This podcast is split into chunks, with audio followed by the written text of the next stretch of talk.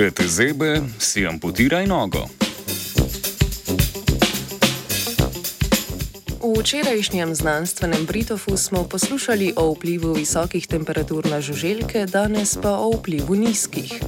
Ameriška raziskovalna skupina je v reviji Current Biology poročala o snežnih muhah, ki si amputirajo noge, da lahko preživijo v mrazu.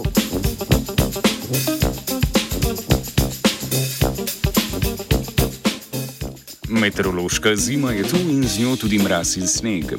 Žuželke ne morejo uravnavati lastne telesne temperature, ki je zato popolnoma odvisna od okolja. Nekatere žuželke so se temu prilagodile zimsko selitvijo v toplejše kraje, druge pa preidejo v normantno stanje in po zimi niso aktivne. Snežne muhe rodu Kjoneja, ki sodijo med košeninarje, so ene izmed redkih žuželk, ki na mesto dormantnosti ostanejo aktivne tudi pri temperaturah pod lediščem. Celo pri 10, minus 10 stopinjah Celzija. Hkrati nimajo kril in se po podlagi premikajo s plazenjem.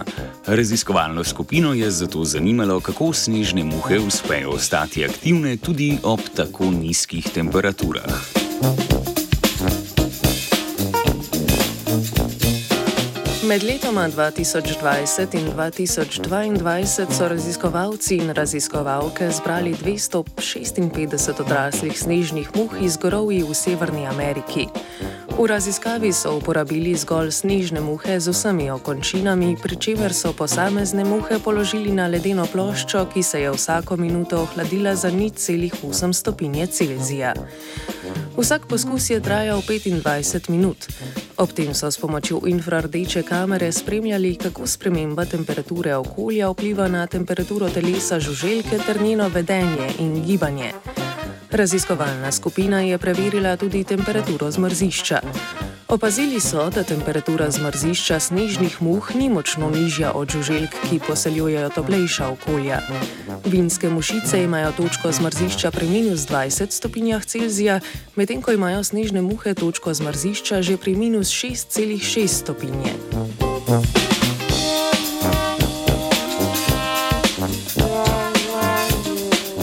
Snežne muhe so z gibanjem nadaljevale do minus 9 stopinj Celzija. Raziskovalna skupina je opazila, da snežne muhe amputirajo nogo, ko jim del te noge začne zmrzovati. Tako preprečijo, da bi se ledeni kristali iz odprtega krvožilnega sistema razširili drugot po telesu. Amputacija se je zgodila pri več kot polovici žuželk, ki so jih proučevali.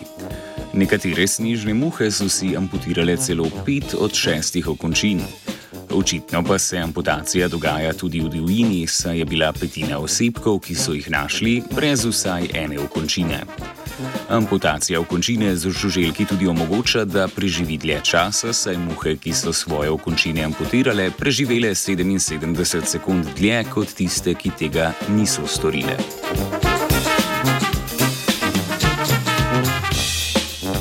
Amputacija okončin sicer ni prvič zabeležena pri žuželkah, vendar raziskovalna skupina zapiše, da je prvič zabeležena kot izogib zamrznitvi.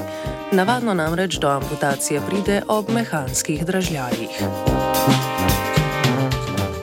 Noge si je amputirala Dora.